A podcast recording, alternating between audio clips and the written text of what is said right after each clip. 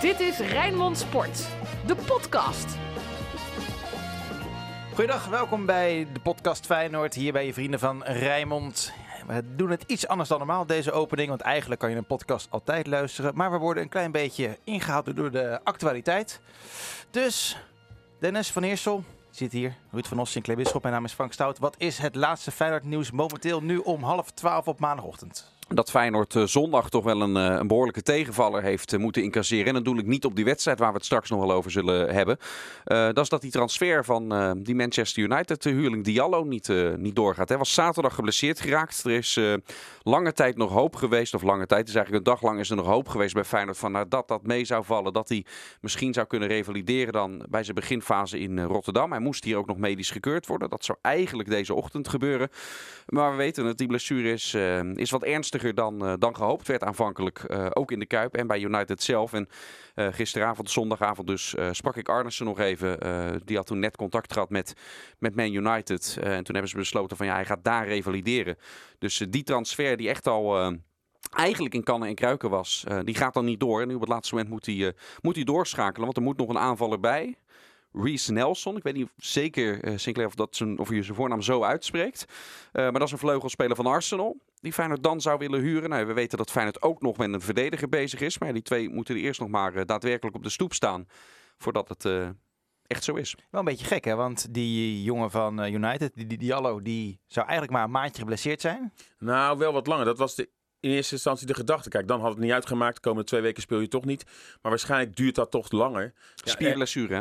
Ja, en dan wil uh, Manchester United, die zelf natuurlijk de, uh, hè, met specialisten, die willen dat zo'n speler natuurlijk wel een, ja. uh, een godvermogen hebben ze ervoor betaald. 22 miljoen, hè? Ja, die willen ze dan eigenlijk in eigen beheer houden. Dus heel misschien in de winterstop dat Feyenoord alsnog dan kan gaan schakelen. Maar ja, Feyenoord heeft nu brood nodig en een aanvaller, een aanvaller nodig. Dat hebben we ook wel nu terecht gezien. Ja, ik begreep dat die Reece Nelson beter op rechts is dan op links. Snap je die noodzaak, Ruud? Ja, ik snap, ik snap het wel. Maar ik vraag me af hoe goed hij is. Ik ken hem niet. Ik zie dat Arsenal, dat zegt natuurlijk niets, maar nu stijf onderaan in, de, in Engeland staat. Eh, wat, die, die Japaner een aantal jaar geleden. Miyachi. Die, kwam ook, die kwam ook van, uh, van Arsenal. Ja? Die deed het toen bij Feyenoord wel goed. Daarna niet meer. Lang in Duitsland gezeten tot afgelopen jaar bij St. Pauli. Hij is nu volgens mij voor het eerst in Japan, in de uh, Japanse competitie. Oké, daar hebben we nooit meer wat van, uh, van gehoord verder. Goed. Nieuwe Messi, hè, werd hij genoemd. ja, maar ja, uh, wie was de, de nieuwe Jordi Klaasie? Of nee, de nieuwe Xavi, dat was? Ricky van Haar of zo, volgens Rob, Rob Jacobs? Nee, Wie was Klaas, het? Klaasie toch ook? Was Klaasie de nieuwe maar, maar wat wel grappig was... Toen... Dat bij elke kleine middenvelder wordt altijd de nieuwe, ja. de nieuwe Er waren altijd Japanse journalisten toen rond uh, Rio Miyachi. En toen zei een van die uh, journalisten toen tegen Mario Been als trainer... Ja, is dit de nieuwe Messi? En toen reageerde Been uh, oh, ja. heel erg gevat door te zeggen... Geen Messi, maar Vorky. Oh, nou, we hebben de beste grap van deze podcast al gehad. Rood, wit, bloed, zweet. Geen woorden, maar daden. Alles over Feyenoord hadden we afgelopen vrijdag hadden we FC Rijnmond. En dan was de kop van de uitzending. Feyenoord is dichter bij Ajax en PSV gekomen. Vorig jaar hadden we een kop dat Peer van zei van... nou, Feyenoord is verder dan Ajax. Maar ga je nou naar één nederlaag opportunistisch te werk? Nou, dat, wil, dat werd ik een beetje verwaken. Hoe zijn jullie erin?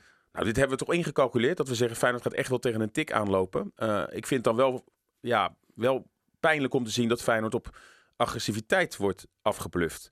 En uiteindelijk ook nog op kwaliteit. Dat had ik, had ik niet verwacht dat het verschil gisteren in die wedstrijd zo groot uh, zou zijn.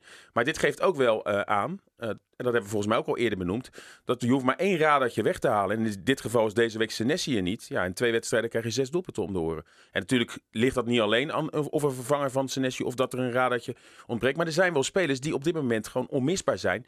En anders is het gewoon heel broos. Volgens mij hebben we dat gezegd. En bij Utrecht verliezen. Ik denk dat daar meerdere ploegen uh, dit jaar gaan verliezen. Dat is volgens mij, dus, dat is volgens mij het probleem niet. Ja, eerst even uitzoomen naar het grotere plaatje. Voordat we individueel spelers gaan. Uh, Ruud heeft Sinclair gelijk als hij zegt uh, agressiviteit daarop afgebluft? Nou ja, dat heeft ook met hoe zo'n wedstrijd verloopt natuurlijk ook uh, te maken. En Utrecht gesteund door uh, 18.000 wild enthousiaste mensen. Weet je, dat heeft een beetje met elkaar te maken. Maar de, de, de, de krapte van de, van de selectie is natuurlijk, een, uh, ja. is natuurlijk, dat wisten we. En heel simpel, we, we, mochten dit jaar niet zeggen dat Feyenoord voor de titel ging. Dat doen we ook niet. Dat doet verder helemaal niemand op de tribune niet. En ook op de perstribune niet. En ook de, de club zelf niet. Ja, als je geen kampioen wordt, dat wil dus zeggen dat je wedstrijden gaat verliezen. Want als je geen wedstrijden verliest, dan word je kampioen. Dus het is logisch dat je een keer tegen een zeepert aanloopt. En uh, dat was er eentje, daar gaan we straks nog wel dieper op in, want er was er wat op aan te merken. Maar ja, dit, dit ook al is het niet leuk om te horen, dit kan een keer gebeuren. Ja, jij bent ook niet geschrokken, Dennis. Of wel? Een, een, een beetje van hoe Feyenoord eh, de standaard situaties verdedigde. Want als je dat wegdenkt, als Feyenoord dat gewoon op orde had gehad... en ik hoop dat daar wel aan gewerkt eh, verder eh, wordt...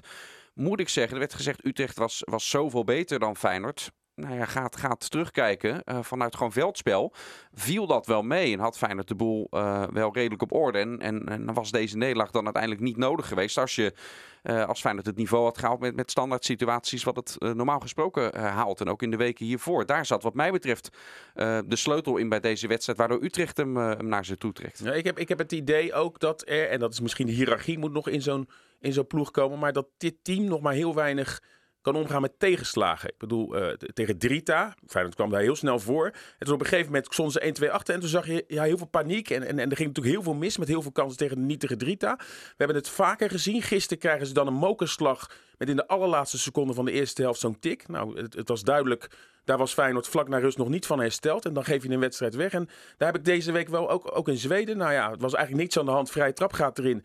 En daarna uh, uh, ja, werd het bijna nog 3-0 toen voor die Zweden. Dus op dit moment heb ik nog wel het idee dat Feyenoord heel moeilijk met, met tegenslagen om kan gaan. Ook die wedstrijd tegen Elsborg, die thuis gewonnen werd. Op een gegeven moment, dat laatste kwartier, ging natuurlijk alles mis met die rode kaart van Bijlo. En dat, dat, dat gaat dan snel. En denk dat daar nog uh, uh, veel verbetering vatbaar. Dat er wel gewoon ook leiders op staan en zorgen dat er rust bewaard wordt. Want je ziet wel dat op dit moment Feyenoord wel slecht met een tegenslag kan omgaan. Ja, maar, maar waar ik dan ook een beetje in dat duel van schrik is ook dat een jongen die we geprezen hebben, waar we zelfs van hebben gezegd dat wordt misschien wel de nieuwe linksback van Oranje, die was niet goed. Malasia.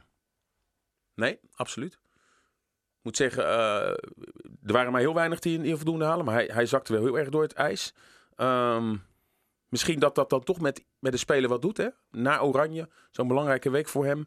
Want uh, ja, uitgerekend de dag voordat hij zich moet gaan melden vandaag in Zeist. Ja, speelt hij misschien wel zijn slechtste wedstrijd voor Feyenoord. En als ik dan kijk naar, als ik Feyenoord in de goede fase. Feyenoord heeft in principe drie goede wedstrijden gespeeld, toch? Tegen Atletico Madrid, tegen Willem II en Elsborg 5-0, hè? Lucien. Lucien, ook ja, inderdaad. Dus, ja, dus wie waren toen de grote meneren in mijn ogen? Dat waren met name Toornstra en Til op het middenveld. Die vond ik heel bepalend voor dit Feyenoord. Til met zijn doelpunten. Torstra scoorde ook, maar was zo goed. En die laten het allebei nu ook wel ernstig ja, weten. Maar, maar, ook die backs die zoveel opkwamen en geroemd werden. Natuurlijk Malasia, waardoor ze een uitverkiezing. Maar ook Pedersen. En je hebt ook wel het idee dat de tegenstanders zich daardoor heel erg uh, op instellen. Hè? En dus komen zij ook niet in hun kracht.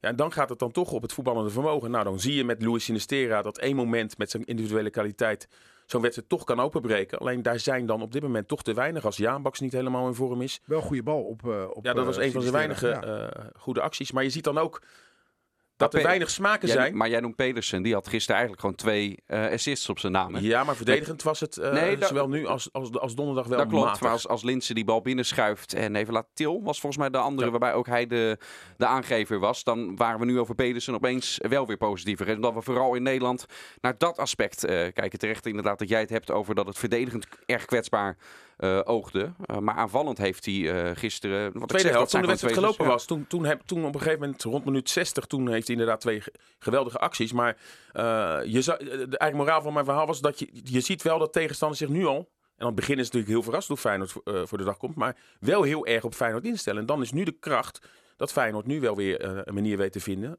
om toch wel weer verrassend voor de deur... En, en daarmee om te gaan. Dus een tegenzet eigenlijk. En als je dan ziet wat Utrecht op een gegeven moment kan inbrengen qua, qua spelers ja, in de tweede helft. laten we niet overdrijven. Joris van Overheem is geen Messi natuurlijk. Hè? Dat, ik hoorde het gisteravond ook op tv gezegd worden. Nou, dan kwam maar hier Overheem van de streek erin. Ja, nou en? Ik bedoel, dat heeft... Maar dit is toch wel iets meer ervaren wat dan, dan wat Feyenoord ja, op de bank zitten? ervaren, maar toch ook niet geweldig. Kom op. Nou ja, kennelijk wel goed genoeg om... Uh... Anders zit je toch niet bij Utrecht op de bank. Nee, nou ja, ja, maar die selectie van nee, maar, we zitten, maar we zitten nu in deze fase van het, van het seizoen. Dat is een beetje de meest irritante fase altijd is. Twee jaar terug was het dan Willem II. Dat, uh, dat zou de top drie uh, gaan uh, bedreigen. Ehm, vorig seizoen zou Vitesse zelfs om, de, om het kampioenschap mee, meedoen. Hè. Stond volgens mij de Telegraaf in, in december of iets dergelijks. Nou, nu wordt Utrecht meteen helemaal op, opgehemeld. de voetbaljournalistiek in Nederland is volgens mij... Uh, daar, daar, werken de meest ongeduldige mensen van, uh, van Nederland ook in. Want we willen ja. altijd allemaal maar al conclusies trekken op het moment er... dat het helemaal nog niet kan. En hier zitten er vier. Vier van die ongeduldige ja. mensen. nou ja, ik heb het idee dat wij nog redelijk genuanceerd zijn, toch? Jawel, jawel. Maar ook wij uh, Dus eh, opportunisme is ook ons niet vreemd af en toe. Hoor. Nee, dan zit En dat, hier, eh, dat hoort er ook een beetje bij, vind ik. eh. zeker bij de voetbaljournalistiek en zeker wat- bij een regionale omroep. Nee, maar kijk, voetbal analyseren heeft natuurlijk eigenlijk helemaal geen zin. En toch doen we het. Waarom? Omdat mensen het leuk vinden om naar te luisteren en dat wij het leuk vinden om te doen. Maar je, je, bent, je bent een beetje toeval aan het analyseren af en toe. Ja, want- en heel vaak is het geen analyseren, maar is het proberen in een glazen bol te kijken. Ja. Terwijl het slaat helemaal nergens op. En dan kom je op, eh, op termen die Toornstra gebruikte. Gisteren een geweldige korte corner in Studio Voetbal van Marcel van Roosmalen. Omdat Toornstra zei, ja, we waren niet scherp genoeg. we de de energie ontbrak. in de Ja. kleedkamer eh, laten Ja, liggen. dat Ja, was een grapje van hem. Hè? Nee, ja, nee, maar, precies, maar dat toont ook aan dat hij niet kon benoemen waar het misging. Nee, maar dat kan je ook niet.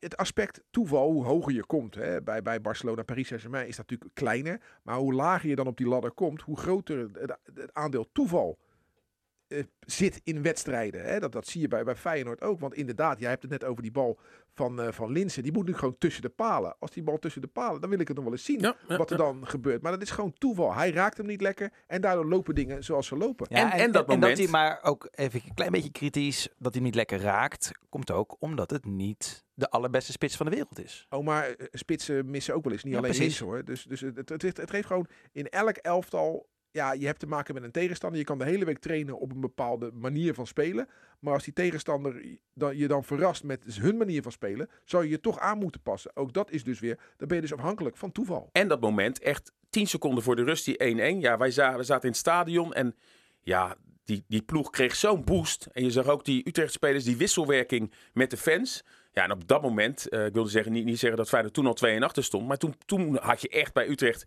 het gevoel van, nou, die geloven erin. Want ja, Utrecht, zoals wel vaker, is vaker in Utrecht beter geweest dan Feyenoord. En dan ging Feyenoord toch vaak met de overwinning toch aan de heeft haal. Feyenoord daar maar weinig verloren. Ja, nee, daarom. Dus het was ook 0-1.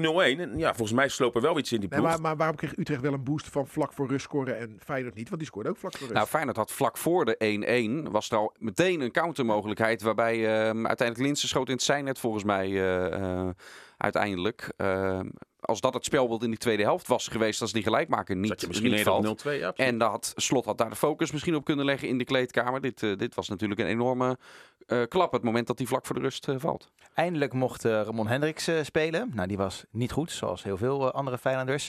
Zou het dan zo kunnen zijn dat eh, Arne Slot zegt tegen Frank Arnissen... hey, kijk eens, ik heb het gelijk. Ik wil graag viergever halen. Nou ja, hij eh, kan in ieder geval met de cijfers zeggen van Senesi is er niet bij en we krijgen zes doelpunten om ons oren. Hadden er gisteren in Utrecht misschien zelfs nog wel een paar kunnen zijn. Eh, dat het misschien toch nog te jong is. Ik bedoel, soms moet je spelers wel langer eh, eh, de kans geven. Bijvoorbeeld een, een, een- Hendricks. Ik moet zeggen, Burger hebben we nu wel een paar keer gezien. Maar daar zie je toch al aan dat het een middenvelder is. En dat hij eh, eh, eh, ja, problemen had in die twee wedstrijden dat hij de kans kreeg. Dus dan begrijp ik wel dat hij het nu probeerde met, eh, met Hendricks op die positie. Ja, eh, zeker Feyenoord gaat dadelijk ook in Europa ook zes wedstrijden erbij spelen. Ik denk dat die selectie niet breed genoeg kan zijn. Want je ziet als er radertjes wegvallen hoe, hoe beperkt je bent. hè. En ook zeker ook eh, aanvallend. Maar ben jij, zijn jullie ervan overtuigd dat viergever een versterking zou zijn? Of zeg je nog steeds van, nee, niet aan beginnen? Tuurlijk wel. Wel aan beginnen? Tuurlijk is een versterking. Fe- Feyenoord heeft er te weinig goede spelers. En gaat, gaat toch niet vertellen dat een viergever er niks van kan. Dat, dat hij ooit eens iets lelijks heeft gezongen over Feyenoord. Ja, dat, dat, is- dat is niet netjes. Maar eh, deze kracht zou Feyenoord Maar er worden ook vraagtekens bij Het valt, of staat, fitheid. het valt of staat, wat mij betreft, echt met hoeveel salaris Feyenoord hem gaat eh, betalen. Je weet dat je iemand haalt die eh, normaal gesproken de backup is. Zodat je met Trauner en Senesi eh, en ook eh Geertruiden, al is dat een rechtspoot natuurlijk, dat er eigenlijk drie boven in de pikorde staan, normaal gesproken. Ehm, en dan valt of staat met of je deze speler dan moet halen die het bij Ajax en PSV nooit heeft gered om daar echt een vaste waarde te worden. Wat ik zeg, dan, dan hangt het daarvan af. Weet je, ga, ga je drie of vier ton salaris betalen of zes of Ja, zeven? Dat, Dat beeld, maakt voor dat mij echt wel een kleeft verschil. wel een beetje. Hij is bij allebei de ploegen, ook bij AZ. AZ is hij dan, heeft het heel goed gedaan. En bij Ajax en PSV is hij gewoon basisspeler geweest. En heeft hij ook gewoon de nodige prijzen gehaald. Alleen op een Maar gegeven nooit moment is hij... onbetwist. Nou, op een gegeven moment is hij op de bank terechtgekomen. Maar dat geldt wel voor meerdere eh, spelers ook. Volgens mij is de grap juist bij viergever dat hij geen prijzen haalt. Omdat op het moment dat hij bij Ajax zat, moet ik het goed zeggen, werd PSV kampioen. Op het moment dat hij bij PSV Ajax is hij wel kampioen geworden. Nee, voor- voor- ik weet voor mij, hij heeft wel de, de Johan Cruijffschaal gewonnen, geloof ik. Maar voor de Geen rest, prijs, hè? eh, nou, eh, Daar denkt Giovanni van Bronckhorst anders over. Precies, Maar en gelijk heeft hij. Nee, maar dus, dus maar kijk, Dennis heeft gelijk over het salaris. Maar als je eh, de persoon, de, de voetballer viergever, die zou dit Feyenoord toch goed kunnen gebruiken als verbreding van de selectie. Nou ja, en zeker omdat hij ook op de linksbackpositie uit de Ja. voeten kan. Maar dan zou je eigenlijk toch nog Haps, die een beetje eigenlijk overbodig is geraakt. Want die wordt nu iedere keer als linksbuiten eh gebruikt. Nou, dat is hij niet. Als je die nog zou kunnen verkopen, want anders gaat hij natuurlijk transfervrij aan het eind van het jaar weg. Eh, dan heb je ook een backup voor eh, niet alleen centraal achterin, maar ook de Ja, linksbackpositie. en er, eh, er, is wat interesse van, eh, voor Haps vanuit Turkije. En het voordeel is dat die transfermarkt in Turkije is nog wat langer Ja. open is. Dus Ja, alleen dan willen ze net als met Jurgensen willen ze weer transfervrij overnemen. Ja. En dan he- kan je hem net zo goed erbij houden, want dan heb je wel Dat is een geen jongen die... filantropische instelling, Nee. zeggen ze in Eindhoven dan. Maar die Jurgensen is trouwens op schot, hè? Die scoorde nu weer Ja. tegen Galatasaray. Ik weet niet wat, er, eh, wat hij ineens Nou, maar gezien in heeft. zijn eerste jaar is Jurgensen gewoon goed ergens. Dus ja, Eén ding nog, eerst zegt over viergeven, die kun je ook als linksback gebruiken. Ik weet dat hij daar in het verleden heeft gespeeld. Maar als je kijkt wat Feyenoord vraagt van zijn, zijn backs en juist slot met, met het spelsysteem. Daar vind ik viergever dan op de backpositie bij Feyenoord wat minder in passen. Dus ook dat zou dan weer het is backup dan, hè? echt een backup eh, Ja. Noodverbandje zijn. links backup. Ja, heel goed. nou, dat is slechte, als Mario Been van die slechte grappen eh, kan maken, dan Nou, deze, deze was ook wel Dat eh, is ook slecht, hè? Ja. in mijn ik ben- straatje. Ik ben wel Ja. benieuwd nu wat er gaat gebeuren in de samenstelling van het middenveld. Eh, eh, Torstra die, die kon er niet uit, want die speelde goed. Nou, die speelt nu twee wedstrijden achter elkaar niet goed. Nou, die heb je Arsnes, heb je, Uisnes heb je nog. Of die nou uiteindelijk daadwerkelijk een, een basisplaats gaat veroveren nadat hij terug is Kan gekomen. je ook een beetje schuiven op dat middenveld? Dat je dan ehm Uisnes hebt, Til en Kukshu. En dat Uisnes wat meer in een verdedigende rol speelt. Dat Kukshu wat meer aanvallend zou kunnen gaan spelen. Ja, dat zou zeker kunnen. Maar dan zou of Toornstra uit het elftal moeten of aan de rechterkant. Maar goed, daar was die... Ja, ik denk niet dat dat zijn positie is. Dat is wel ook een beetje een noodverband. En in bepaalde wedstrijden kan het wel. Maar eigenlijk zag je gisteren dat het, de wissel van slot, die werkte niet, hè? Bedoel, na rust eh, duurde het pas heel lang voordat Feyenoord echt weer in het spel kwam. Gelijk naar rust eh 2-1-3. En nou weet ik wel dat eh eh, Jaan Baks geen goede wedstrijd speelde. Maar het is net wat Ruud zei. Toch echt een prachtige opening waar andere spelers misschien de paas op Linsen geven. Ziet hij Sinistera aan, dat, dat is, was de 0-1. Hij had nog wel een paar momenten. Soms treuzelde hij iets te lang. Hij, hij poortte een keer een speler. En toen dacht hij je nu door. keer doen. Ja. Wilde hij het nog Ja. een keer doen. Maar hij is wel een speler die ja, toch nog wel wat kan brengen. En, en, en Balde viel in. Ja, langer uit geweest, maar dat vond ik echt een hele slechte invalbeurt. Schoot nog een keer eh, de bal het uitvak in.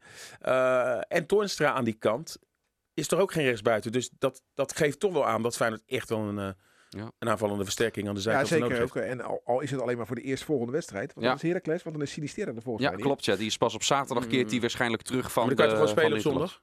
Ik bedoel, nee, de, gisteren, ik was bij, nee, maar ik was bij die persconferentie. En toen zei, toen Ja, zei, nee, toen zei Arne Slot alleen maar eh, nou, dat, dat er spelen. En ja, waarschijnlijk keert eh Sinistera pas zaterdag terug. En dan zijn er heel veel journalisten die trekken de conclusie dat hij zondag niet kan spelen. Dat denk ik. Nou ja, eh, ze speelden nu eh, op donderdagavond uit bij Elsborg. En op zondagochtend, nou zondagmiddag om kwart Voelde over wel, eens, twaalf. voelde wel eens ochtend hoor. Dat snap ik. Maar, maar dat bleek ook misschien niet de meest gelukkige combinatie. Ja, maar om dan maar gelijk de conclusie dat hij waarschijnlijk niet kan spelen, vind ik ook weer overdreven. Nou, Als je zaterdag terugkeert, als, hij komt terug uit, eh, uit Zuid-Amerika.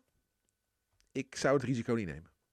Het is Heracles maar Helsinki. ja, daarom. Het is Heracles. Maar, Nee, het is eh, al was het Ajax, maar ik zou het risico niet nemen. Maar, bedoel, maar, maar wat is dan het risico omdat je in een vliegtuig zit? ja, dan zit je eh, tien uur stil. Maar daar zijn allerlei, wet- allerlei wetenschappelijke onderzoeken naar geweest. En meneertje Bisschop gaat het gelijk van tafel vegen. Nee, maar tegenwoordig wordt er heel snel de handremmer eh, erop gezet. Eh, 3-0 hattrick Sinisterra. Nee, ik zou, hem niet, ik zou het risico van weer een blessure, want dat heeft hij al gehad. Ik zou dat niet lopen. Ja, en er is niet echt een hele goede linksbuiten natuurlijk in die selectie. Ja, nou, dan misschien zou Linsen naar de linksbuitenpositie moeten. Maar daar heb je in de spits weer een probleem. Of een eh, baasplaats voor Balde. Nee, of eh, die, die Nelson rechtsbuiten en eh Jaan Baks in de spits. Ja, die moet er eerst nog even tekenen. Hè? Ja. We hebben met Ronaldo eh, Ja. gezien, die dacht, eh, daar dacht de Manchester City ook van, we hebben hem binnen. Of de stand-in voor Bosniek. Want daar zijn ze wel mee bezig. Bosniek natuurlijk verhuurd, hè? Ja, nou ja, Bas Dos, eh, eh, hè, nu weer ingevallen met een 6-1 nederlaag bij Club Brugge. Eh, die mag daar waarschijnlijk weg, want ze halen vandaag daar nog een speler. Ja, dat zou een ideale spitspositie... Ik heb het eh, niet meegekregen. Heeft Brug met 6-1 verloren? die hebben met 6-1 Ja. bij Agent verloren. Maar weet je, als ik dan aan Bas Dos denk, hè, denk, dan denk ik, ja, niet goed genoeg voor Club Brugge. Ben je dan wel goed genoeg voor de basis van Feyenoord? Maar dat ligt Ja, ook aan het spelsysteem. hè. Brugge. Ja, maar Brugge speelt nu met twee spitsen. En Lang doet het daar goed met nog een spits. En daar hebben ze iemand teruggehaald. En ja, omdat die trainer met twee spitsen. En daar komt Bas Dos dan in de ogen van die trainer wat minder tot zijn recht. Soms heeft het niet alleen met kwaliteiten te maken. Want volgens mij bij Sporting Portugal en bij eh, Frankfurt schoot hij de ene naar de andere binnen. En de laatste jaren, eh, misschien niet leuk om te horen voor, voor Feyenoorders, maar Club Brugge is Feyenoord qua niveau ook wel eh, de laatste jaren wel voorbij hoor. Dat is wel... Helaas. Eh, snap jij dat uh, Bosniek verhuurd is, Dennis?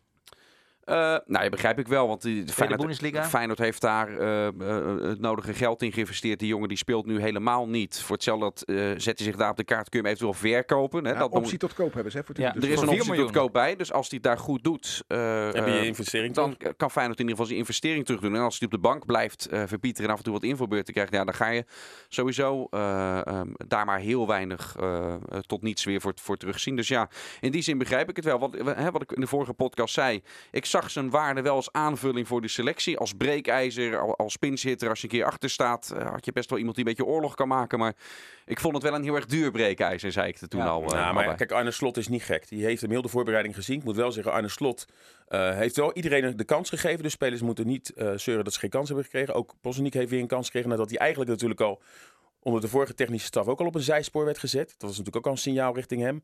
Bij de nationale ploeg heeft hij geen minuut meer gespeeld. Hij heeft het gewoon niet opgepakt. Hij heeft echt wel de kansen gekregen. En uh, dan denk ik dat voor alle partijen het beste is uh, dat hij aan spelen toekomt bij Düsseldorf. En Feyenoord daardoor een nieuwe spits kan halen. Wat een uh, verademing trouwens. Ik zat om kwart voor twaalf zondagochtend ESPN. Want toen was Rijmond nog niet begonnen. Kon even, mocht ik nog even ESPN kijken. en dan hoor ik Arne Slot voor de wedstrijd interviewen. En sowieso die, die gesprekken die jullie met hem hebben na de wedstrijd of op vrijdag. Wat een verademing om deze man over voetbal en over Feyenoord te horen praten. Nee, je kan heel moeilijk een slecht gesprek met hem voeren. Ja, maar deze man uh, zal nooit zeggen als het heel slecht was dat het heel goed was. Dus verkoopt geen onzin. En uh, hemelt zijn spelers niet onterecht op, maar fikkelt, fakkelt ze ook niet af. Deze man ja, is, gewoon, is gewoon goed. Is gewoon is verbaal zo sterk. Wie zei er nou uh, dat, dat hij wel iets aan zijn kleding moet doen? Dat was ik. Ja, ja, is ja. Nee, kijk, hij, hij, heeft, uh, hij had gisteren, ja, het is een detail, hè? Ja, ja. Uh, dus, maar uitstraling is belangrijk, hè? Zeker. Gisteren had hij een prachtige donkerblauwe trui aan met een wit overhemd eronder. Stond hem perfect. Zag hij er goed uit. Dan staat daar echt iemand. Als je dan kijkt naar, ja, sorry dat ik het zeg, die hobbezak van Utrecht. Die had een, nee, maar die had, die had een donkerblauw overhemd met een bordeaux-rode jasje aan gisteren. Uh, die René Haken. Het ziet er gewoon niet uit. Ja, maar wel 3-1 gewonnen. Ja, maar daar hebben we het nu even niet over. En Arne Slot had in die wedstrijd dat het warm was, had hij, ja, kijk, sorry dat ik het zeg, en ik mag het zeggen, want ik, ik, ik, vergelijk me qua postuur een beetje met hem. Net iets te veel kilootjes, heb ik ook, heeft Arne Slot ook. En had hij een groot, te groot wit t-shirt aan. Nou, ik vind sowieso, doe een kraagje aan. een overhemd, want in de eerdere wedstrijden dit seizoen had hij wel een wit overhemd met opgerolde mouwen. Er staat er gewoon een, staat er gewoon een goede, goede vent, bruin, hij heeft een beetje bruine kop. Maar met zo'n iets te groot wit t-shirt, dat zag er niet zo lekker uit. En gisteren zag hij er gewoon weer uh, perfect uit. Ja, we gaan het volgende... volgende week in de Rijnmond podcast. Mike ja. de Boer en oh, nee, Ruud van zeggen, we gaan even door naar het volgende onderwerp. Want ik heb straks een telefonische belafspraak met Fred van Leer. Dus uh, uh, interlandvoetbal. We hebben, oh, ja, die bedoelde ik ook. Die haal ik altijd door Mike, elkaar. Mike de Boer is... Nou... Mike de Boer en Fred van Leer, die haal ik altijd door elkaar. Nou, ja. Ze lijken helemaal niet op elkaar, maar die haal ik altijd door elkaar. Nee. nee. Heb, jij, heb jij het altijd over, Fred, over Fred van Leer en Mike de Boer dan? Hij heeft het heel vaak over. Ik, uh, ik, uh, ja, dan, moet ik, dan ga ik reclame maken voor andere radiozenders. Dus dan wijken we helemaal af. Oh. Een van de twee is altijd op een, uh, op een zender die eigenlijk niet eens onze concurrent is te horen. Maar dan nog haal ik ze altijd door Maar het gaat mij erom, zeker bij een, tra een trainer die langs de kant staat, een stukje uitstraling. Dat speelt echt mee. En als, als, zoals hij daar gisteren stond, dan staat daar echt een, een vent. En trainers in een trainingspak langs de lijn. Nou, niet helemaal met je eens. Maar goed, hoeft ook niet. Uh, wie er altijd geswanjeerd bij loopt is Louis van Gaal. Altijd met een mooie oranje stropdas natuurlijk. Onze bondscoach. We waren er, ik denk dat we er nog steeds wel van overtuigd zijn, dat Bijlo gaat keepen. Dat Til gaat banken bij Oranje. En dat Malasia gaat banken. Gaat banken? Blind, linksback. Dat denk ik ook. Ja, ja, en zeker omdat hij maar anderhalve dag heeft, hè, Vergaal. Dus die gaat geen risicootjes nemen. En zeker als je Malasia afgelopen weekend zag. Uh, misschien twijfelde hij nog, maar denk dat die wedstrijd tegen Utrecht dan niet heeft meegeholpen. Maar anderhalve dag, woensdagavond is dan Noorwegen. Daar gaat hij niet te veel wisselen. Nou, keeper moet wel. Uh, nu Stekelenburg gestopt is, Sillis er sowieso niet bij is. Dus ga je dan met, met Krul, die wel wat meer ervaring heeft, maar nooit echt een onuitwisbare indruk. Dus ik denk Bijlo wel. Maar Til en uh, op de bank. En Malasia zal dan na een minuut of 70, 80 heel misschien nog wel in kunnen vallen voor Blind. Ik dacht sowieso al, die moet zich misschien ook wel uh, richten op een wedstrijd waar meer kansen voor hem liggen. Omdat uh, daar in Nederland misschien wel de boventoon voert. Die pot tegen Montenegro natuurlijk. Waarbij je, je, je met je backpositie het misschien anders wil invullen dan met iemand als Blind die veel minder opkomt dan Malasia dat, dat zou doen. En de jongen, die jongen is jong, die heeft geen haast, joh. die hoeft er nu niet gelijk te staan. Hij zit erbij, dat is stap 1. Ja. En dan moet hij inderdaad, wat Dennis zegt, over, over de volgende keer zet hij stap 2. Maar om nu gelijk al uh, komende woensdag stap 2 te zetten, die haast is nergens voor nodig. Geen archief Feyenoord, doen we volgende keer wel weer als Feyenoord gaat spelen. Wel een Feyenoorder van de week. De Feyenoorder van de week. Sinclair? Ehm, Pas je? vind ik een moeilijke. Nou, denk er even over na. Ja. Ruud, Dennis? Ja, eh, ik, ik, ik las natuurlijk en ik hoorde een, een, een bijzonder verhaal. Hè? Marco van der Wildenberg. Ja, dat, dit zei ik Ja. vorige week, ja. Ja, maar eh, Supporter. supporter heel ernstig ziek. Ja. Aanstaande woensdag om acht minuten over zeven, Ja. 19.08, wordt de euthanasie op hem... eh, ja, dat is even totaal anders. Hè? Ja, ja, hij gaat ook een boek uitbrengen, hè? Ja, nou ja, dat vind ik dan... Beetje ja, dat-. De op, de op, nee, nee, nee, nee, Oh. nee, heb ik niks tegen. Maar, eh, want de opbrengst is, is, is- komt goed terecht. Maar het, het verhaal dat je om 19 uur 8 Ja. uit het leven stapt. Ja, daar word ik wel even stil van. Mm. Ja, bizar. hè? Gisteren En, was ook een, eh, eh, een motortocht, hè? ja. Die ging nog even langs het café van het Vinkje, geloof ik. Ja, en dat verjaardag nu- van zijn dochtertje, hè, die wilde die per se. eh, Ja. Ja, nou, dat, dat, heeft hij eh, dat hij Feyenoord van de week is, zal hem een rotzorg zijn. Want daar heeft hij helemaal niets aan natuurlijk. Maar ik wil het wel even vermelden dat ik wel dit heel bijzonder vind. Daar, wat ik zeg, hier word ik wel stil van dan. Ja, ja, en ik zag ook heel veel supporters en ook heel veel spelers die ook met, nog met hem op de foto zijn gegaan. En alleen maar goed. En ja, laten we hopen dat alles verloopt zoals hij het zelf voor ogen heeft natuurlijk. 50 jaar pas. Ja. Den? Ja, weet je, Feyenoord van de week. Misschien juist deze week na de nederlagen in, eh, in Zweden en in Utrecht. Omdat, het, omdat ik ook een beetje de balans opmaak van het hele eerste blok wat er nu is, eh, is, is geweest. Q1? Eh, ja, en dan toch, toch Arne Slot.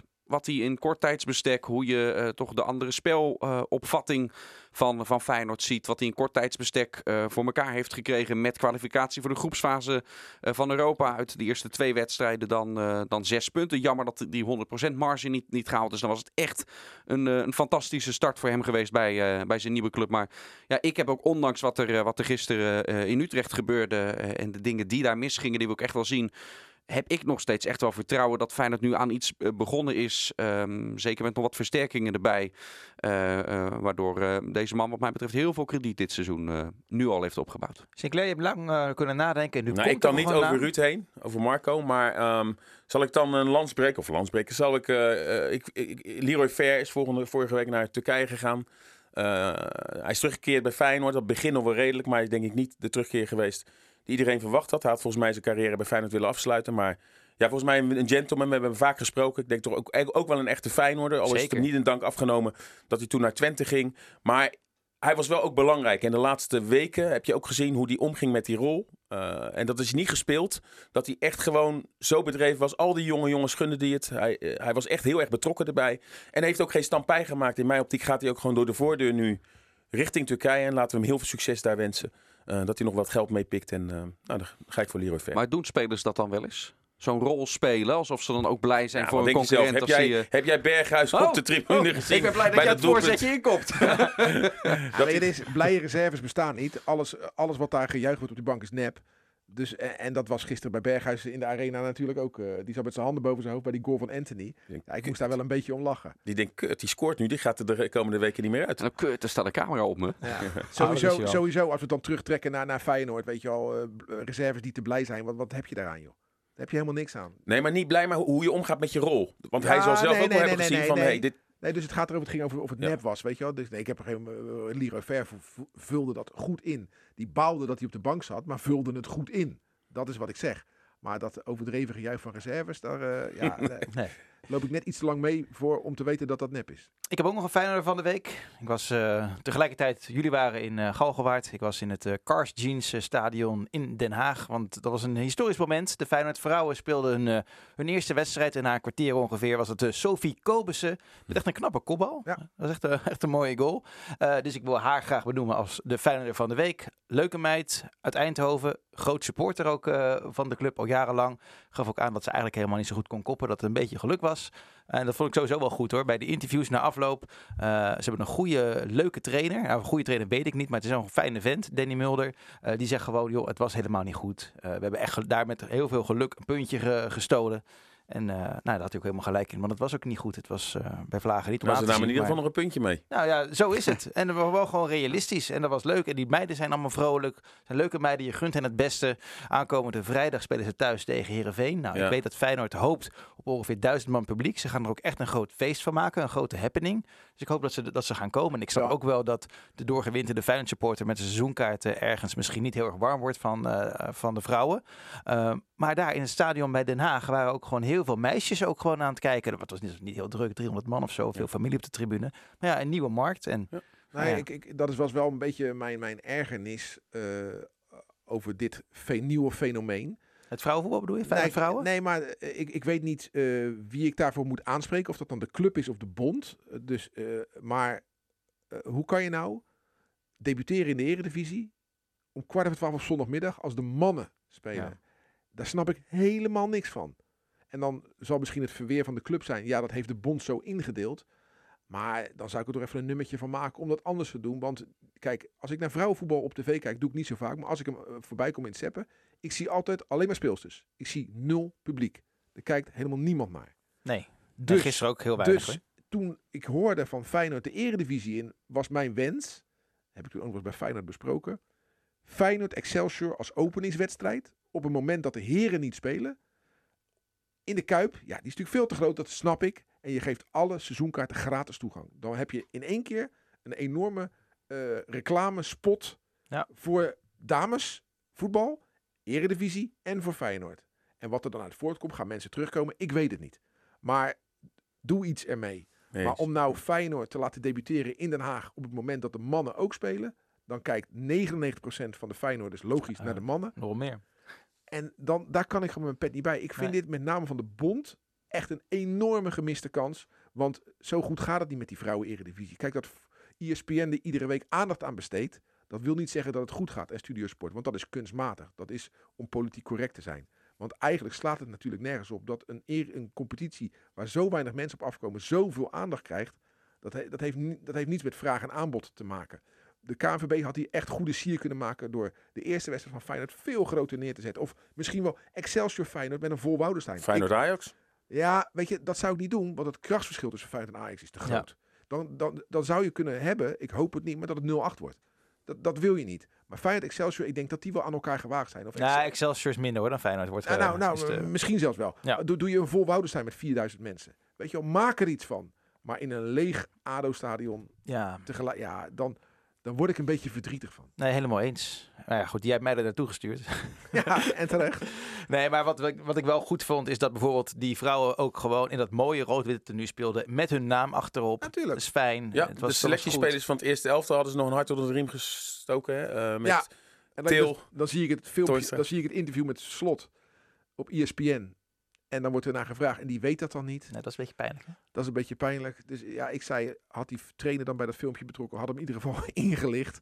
Want ja, dat, dat komt er dan, dan, op dat moment komt het over, oh, het interesseert ze eigenlijk helemaal geen reet. En dat is niet zo. Nee. Maar ja, hier, hier hadden, het had wat beter Ja, gekund. zeker. zeker. Nou, mocht je nou eh, geïnteresseerd zijn in de, de Feyenoord vrouwen op Rijnmond.nl staan er eh, drie interviews. Eh, dinsdag zie je ook nog een, een reportage vanuit dat stadion. En eh, ja, nogmaals, eh, ik hoop gewoon dat het een eh, succes gaat worden. En eh, dat ik ook niet iedere week naartoe hoef, eh, Ruud. Maar dat... eh, Nou, maar dan Nee. wordt het ook geen succes. nee, Hey, we zijn een half uur. uurtje verder. En Dan, heeft Feyenoord alweer de, de aanvallen binnen? Nee, eh, maar wel leuk nieuws voor, voor Fredrik Uisnes net, eh, net binnengekomen. Die Oh. toch is opgeroepen voor het, Ja, voor het. Noorse nationale net.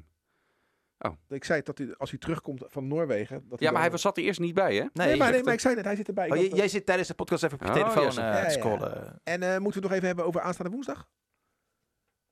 Dat ene woord. Oh, de docu. Ja, dat, Disney. hebben we het afgelopen vrijdag ook al over gehad. Ja, maar ik heb nu meer gezien. Ik heb nu eh, gisteren bij Goedemorgen Eredivisie een stuk gezien van ehm Arnezen. Die eh, dan eh, op eh, 1908 eh, in gesprek met advocaat een bord openklapt. En dan eh, alle mogelijke Feyenoord-selecties en eh, mo- mogelijke spelersnamen en zo. En dan ontstaat er een discussie, want advocaat wil maar nieuwe spelers hebben. En dan zegt Arnezen ge- geheel terecht, ja maar wacht even, als we nu een nieuwe speler gaan, je kijken hoeveel we er al hebben op die plek.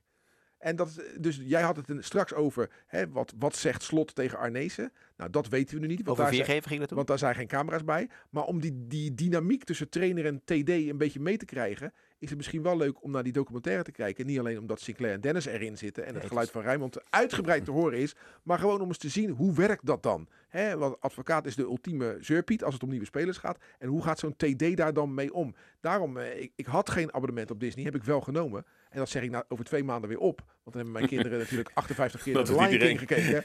Maar dan kan ik wel, want die, die afleveringen, Dennis, die komen niet alle acht tegelijk. Hè? Nee, volgens mij komen ze per, per week of iets dergelijks. Worden ze, wordt de volgende aflevering. eh. Ja, dus je bent, eh, als je ze allemaal wil zien, zit je er twee maanden aan vast. Nou, eh, Frank, twee, is- ma- is twee, al- keer- twee maanden 9 euro, dat kan zelfs jij leiden. Dat, Ja, zonder ik heb- zonder te ik- heilen. Ik heb net het tennistoernooi in Maasluis gewonnen, dus ik heb wat extra Oh. geld eh Dan kan er wel één maandje Disney Plus. eh, 65 kan wel. 65 euro. Ja. Maar dan zal die finalist wel niet opgedaan.